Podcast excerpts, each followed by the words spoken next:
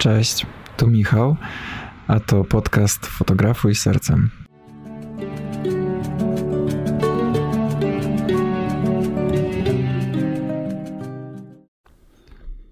Słuchajcie, mój przyjaciel mi pożyczył właśnie grę na PlayStation Death Stranding, więc zanim całkowicie przepadnę w czeluściach wirtualnej Islandii i mrocznego klimatu tej gry, chciałbym jeszcze coś do Was powiedzieć, bo podobno gra się przechodzi aż 50 godzin.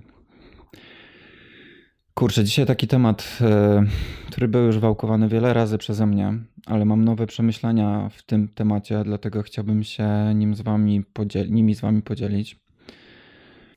Często się zastanawiałem podczas swojej podróży fotograficznej, ale nie tylko, gdzie jest granica między nieprzejmowaniem się opinią innych ludzi, a widzenie konstruktywnej krytyki, która może sprawić, że e, będę w czymś lepszy po prostu, że to, to sprawi, że będę w czym coś robił, wykonywał lepiej, no nie? Więc jak nie być takim bezemocjonalnym dupkiem, który będzie miał na wszystko, wszystko gdzieś, nieważne co mi ktoś powie, nieważne, że ewidentnie wszyscy mi mówią, że robię coś źle, z dobrej woli nawet, no nie? A ja nadal uważam, że to co robię jest dobre, bo mam opinię wszystkich ludzi gdzieś. A gdzie znaleźć tą granicę właśnie, żeby się nie przejmować po prostu typowymi hejterskimi komentarzami, które nie mają na celu e, żadnej wartości, tylko po, poza tym, żeby ty się poczuł źle, no nie? Ale jak się pojawia coś konstruktywnego, to jesteś w stanie wyciągnąć z tego coś dla siebie. Więc dużo o tym myślałem i teraz właśnie porozmawiamy na ten temat. Słuchajcie, najpierw podam Wam kilka przykładów ze swojego życia, mm, gdzie pokażę Wam, kiedy się spotkałem z, z czymś, co uważam za hejt, a z czymś, co nie uważam za hejt, tylko za konstruktywną krytykę. Ciężko jest, słuchajcie, mówić o ludziach, którzy krytykują innych ludzi, samemu ich nie krytykując, więc to jest dość takie ciężkie zadanie dla mnie o tym mówić, bo staram się właśnie w taki sposób mówić, żeby też nie krytykować, bo, bo wiecie, najprościej jest stać się hejtować innych hejterów i wtedy sam się stajesz tym, kim nie chcesz być, no nie? Więc e, dlatego tak ciężko mi podjąć ten temat, ale postaram się, bo wiem, że to może komuś pomóc. No to dobra, słuchajcie, to dla mnie przykładem hejtu będą wiadomości typu, które dostawałem i komentarze publiczne, że jestem oszustem, że to co robię nie ma sensu, że jak można robić takie nieprofesjonalne zdjęcia, że kto by chciał w ogóle ze mną pracować.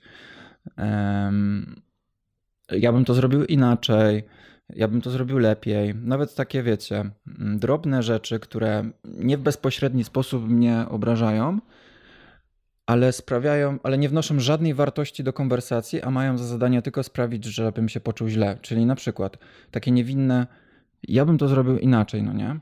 Dlaczego uważam to za hejt?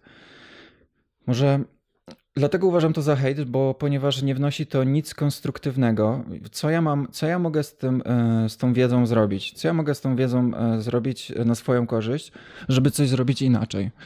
Że ktoś mi powie, e, ja bym to zrobił inaczej, no nie?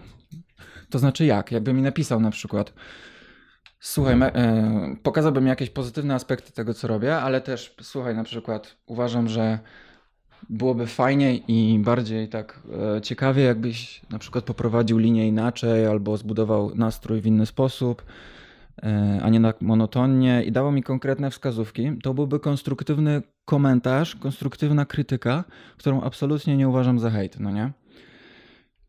Więc ja obecnie jestem na takim etapie życia, gdzie bardzo mało rzeczy mnie rusza pod względem e, opinii innych ludzi, w sensie krytyki. Ale to nie znaczy, że jestem całkowicie, e, nie słyszę tego, co do mnie ludzie mówią, bo wbrew pozorom, to, że jestem niewrażliwy na krytykę innych ludzi, nie oznacza, że ja nie słyszę i nie widzę to, co ludzie piszą, bo, bo ja zawsze widzę i słyszę. I ja zawsze się zastanawiam, e, czy to, co ta osoba mówi, ma jakąś wartość, którą ja mogę z tego wynieść, więc nie przejmowanie się krytyką innych ludzi nie polega na niesłyszeniu tego, co e, ludzie mówią do ciebie, tylko na narzucenie sobie ogromnego filtra, przez który ty decydujesz, co chcesz przepuścić. A decydujesz to na podstawie albo ma to dla mnie jakąś wartość, którą mogę wyciągnąć dla siebie, by być w czymś lepszy, albo to nie ma dla mnie żadnej wartości, więc po prostu ignoruję tego człowieka, bo, bo traktuję to jako po prostu krytykę albo coś, co nie wnosi żadnej wartości do mojego życia, no nie?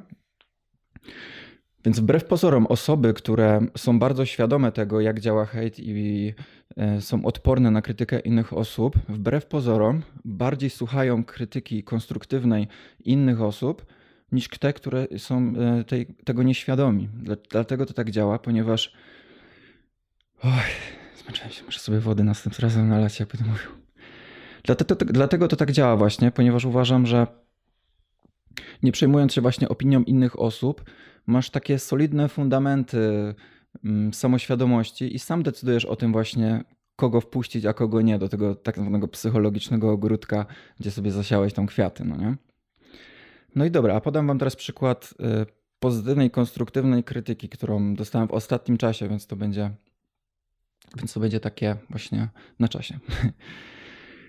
E, ostatnio wrzuciłem zdjęcie na Instagrama, e, na Instastory, jak robiłem zakupy w sklepie i zapakowałem każde warzywo i owoc w osobny woreczek, aluminio, nie aluminiowy, tylko plastikowy, nie? No i posypała się fala do mnie wiadomości, dosłownie fala wiadomości, że, że przeze mnie płonie Australia, że, mm, że taki robię z siebie eko i człowieka naturę, a a niszczę planetę, że mógłbym wziąć sobie po prostu papierową torbę albo coś tam, coś tam. No i powiem wam szczerze mówiąc, że na początku to olałem, no nie? Na początku stwierdziłem, no dobra, ludzie po prostu czują potrzebę, żeby to z siebie wyrzucić, bo mają zły humor na przykład, nie? Albo są świrami eko. Ale na następny dzień sobie tak usiadłem na spokojnie i się zastanowiłem nad tym jeszcze raz, bo kilka wiadomości było wbrew pozorom sensownych. To nie tak, że każdy mi pisał, że palę Australię, ale było po prostu napisane to w sensowny, konstruktywny sposób, dlatego dało mi to do myślenia, że kurde, że faktycznie, że jestem wegetarianinem, przechodzę na weganizm, chcę być tak blisko natury, cenię sobie wszystko związane z naturą i lubię przebywać, obcować z naturą. Czemu nie pomyślałem o takiej wcześniej podstawowej rzeczy, jak to, że mogę po prostu taką jedną głupotą y, zadbać o moją planetę, na której mieszkam, y, którą kocham po prostu, no nie? Czemu po prostu nie mogę sobie brać tej y, torby po prostu z domu materiałowej i pakować do niej rzeczy? No i tak, słuchajcie, zacząłem robić. Zacząłem sobie brać karton w sklepie, ładować do niego warzywa i teraz będę się autentycznie starał chodzić ze swoją materiałową torbą do sklepu, bo po prostu sobie tę konstruktywną krytykę wziąłem do siebie. Więc to nie jest tak, że e, jak nie przejmujesz się opinią innych ludzi, to tylko ty i tylko ja i nikt inny nie jest mądrzejszy od ciebie, bo ja i tylko ja mam zawsze rację, no nie? E, niektórzy tak to będą spostrzegać przez to, że mm, niektórzy ludzie spostrzegają asertywne osoby jako e, aroganckich, wyniosłych, zbyt pewnych siebie, bo prawda jest taka, że ludzie często nie akceptują tego, że ktoś może nie akceptować ich opinii lub jej nie podzielać. Więc w momencie, kiedy ja się z kimś nie zgadzam na jakiś temat, to on to traktuje jako atak i zagrożenie wobec siebie. Dlatego potrzebuje nazwać mnie w jakiś negatywny sposób, żeby usprawiedliwić swoje zachowanie, które wcześniej do mnie zastosował. Czyli nazywa mnie burakiem, nazywa mnie osobą arogancką, zbyt pewną siebie i tak, i tak dalej, i tak dalej. Bo w momencie, kiedy by powiedział, kurde, ten gość jest asertywny, ma swoje zdanie, a ja się mylę, to by, było, to by sobie strzelił w kolano, to mówiąc, bo to by znaczyło, że ja nie miałem racji i teraz ja się przez teraz muszę czuć jak debil i muszę się czuć głupio. Dlatego ludzie mają takie mechanizmy obronne właśnie, które muszą nadać jakąś etykietkę komuś, która sprawi, że poczują się sami ze sobą lepiej, nie?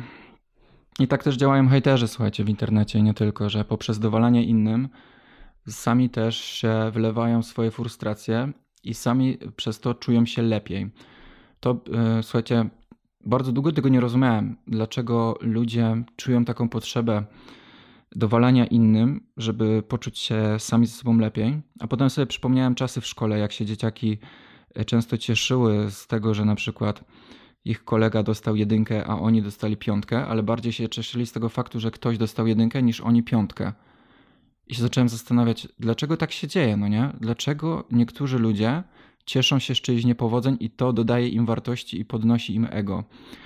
Tak jak sąsiadowi się y, ktoś włamie do domu, albo coś mu się zawali dach, czy coś, to ja się wtedy czuję lepiej, mimo że ja sam na tym nic nie korzystam. Nic. I to słuchajcie, na początku to brzmiało dla mnie jak jeden wielki psychopatyczny mechanizm, który się dzieje w głowach ludzi, i ja nie rozumiałem tylko, dlaczego ludzie tak czują. Dlaczego ludzie czują się lepiej, gdy komuś jest gorzej w życiu. I słuchajcie, no po części nadal nie rozumiem, dlaczego tak ludzie mają, ale wiem jedno, że to wynika z jakichś takich głębokich kompleksów, z takiej głębokiej frustracji zakorzenionej w tych osobach, które e, i oni nie znają po prostu żadnych innych konstruktywnych sposobów na poradzenie sobie z tą frustracją i z kompleksami. Dlatego jedyny sposób, jaki znają, to dowalenie komuś lub sprawienie komuś przykrości. I to jest jedyny sposób, który mm, da im możliwość poczucia się ze sobą lepiej. Bo prawda jest taka, wydaje mi się, bo tak jak mówię, nie przeprowadzałem e, badań na temat hejtu, ale wydaje mi się, że takie osoby mają ogromny problem z zaakceptowaniem samego siebie i właśnie w, w używaniu konstruktywnych sposobów na podniesienie sobie swojej wartości, dlatego korzystają z tych destrukcyjnych jak hejt. Tak mi się wydaje, bo się ostatnio na tym dużo zastanawiałem. No ale jestem ciekaw, co wy na ten temat uważacie. Kolejna, słuchajcie, e, sytuacja związana z konstruktywną krytyką w moim kierunku, którą sobie dałem, e, która dała mi do myślenia po prostu. Aczkolwiek nie ukrywam, że trochę mi się zrobiło przykro, ale to dlatego, że jestem tylko człowiekiem i e, może mi się zrobić przykro czasem, więc jakbym nie był, jakbym był niereaktywny emocjonalnie na wszystko, to bym był też psychopatą, więc mój przyjaciel po obejrzeniu mojej historii ślubnej z Bieszczad. Była to taka historia, którą bardzo chciałem się pochwalić w internecie, z racji tego, że to był taki typowo boho ślub, piękny w Bieszczadach i, i w ogóle wiedziałem, że to fajnie właśnie pokaże ludziom to, co ja lubię robić, jakie śluby i że to będzie fajnie przyciągać podobnych ludzi do mnie, no nie? No i mój przyjaciel, y, który obejrzał tą historię, jest moim mentorem i, i, i skomentował to w taki sposób, że po prostu że wydaje mu się, że idę w złym kierunku w fotografii i że bardziej powinienem się skupiać na wyłapywaniu chwil i odpowiednich momentów i takiej wieloplanowości, bo moje ujęcia po prostu są nieciekawe w tym reportażu. I na początku zrobiło mi się przykro, nie ukrywam, i zastanawiałem się, dlaczego, yy, dlaczego tak uważa, no nie? Ale jak ochłonęły emocje, to przejrzałem te zdjęcia jeszcze raz i stwierdziłem, że wiem i doszedłem do wniosku, że chyba wiem o co mu chodzi i chyba wiem, co mogę z tym zrobić, żeby następnym razem było lepiej. I teraz nie o to chodzi, że ja wam teraz będę mówił, co, co mam zamiar robić, tylko po prostu pokazuję wam, e, czym się różni mm, słuchanie konstruktywnej e, krytyki od innych osób, a nie słuchanie po prostu zwykłego hejtu czy bełkotu, no nie, innych ludzi. Słuchajcie, cała sztuka z, uważam, z konstruktywną krytyką polega na tym, żeby po pierwsze umieć rozpoznać konstruktywną krytykę od niekonstruktywnej. Tak jak powiedziałem, ja na to mam taki sposób, że po prostu jeśli kogoś komentarz lub kogoś wiadomość nie wnosi żadnej wartości do tego, co mógłbym zrobić lepiej w konstruktywny sposób, to znaczy, że to nie jest konstruktywny komentarz i nie chcę przepuszczać przez swój filtr. Jeśli ta wiadomość jest konstruktywna, ale, ale mimo to w jakiś sposób sprawia mi przykrość, ale widzę, że to ma wartość, to wtedy po prostu wyciągam wnioski z tej wiadomości, ok, co mogę zrobić lepiej, faktycznie to ma sens, mogę przestać używać tych plastikowych woreczków, co mogę zrobić lepiej, inaczej, ale robię wszystko za pomocą samoświadomości, żeby tego nie przeżywać, bo słuchajcie, to, że ja coś zrobiłem źle, to, że mój reportaż z Bieszczad nie wyszedł taki, jaki mógłby wyjść, to, że dałem dupy z tymi woreczkami, to, że, że wydawało mi się, że wiem coś, a okazało się jednak, że jestem w błędzie, to nie znaczy, że mam się z tym czuć źle.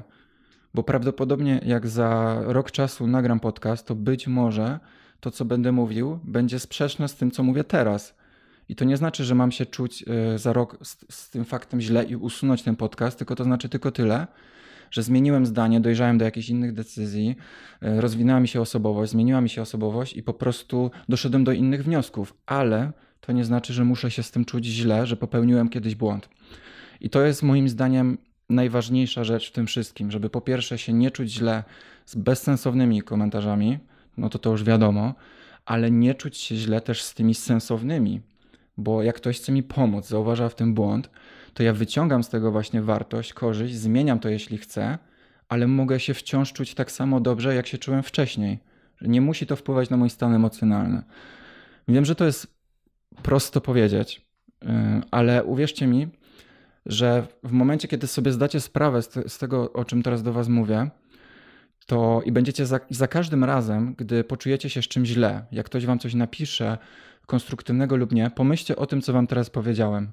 Że dlaczego muszę się z tym czuć źle, że albo wyciągam z tego wartość i coś zmieniam, albo nie, ale nie muszę się z tym czuć źle, bo jestem samoświadomą jednostką, jestem osobą świadomą swoich emocji i chcę się czuć ze sobą i w swoim życiu dobrze, niezależnie od tego, od opinii innych ludzi po prostu.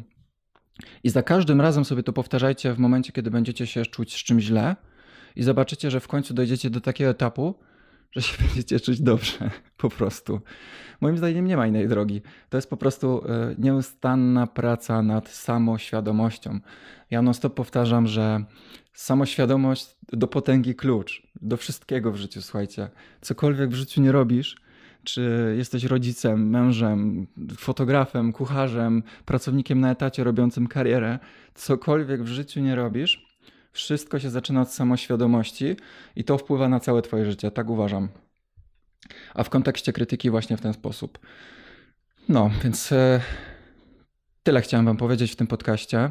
Chętnie też się dowiem, co, co myślicie na ten temat. Chciałem Wam pokazać taką e, różnicę w właśnie w nieprzejmowaniu się tym, co ludzie o mnie pomyślą, a w, mam wszystko w dupie, no nie? Więc jak widzicie, jest różnica.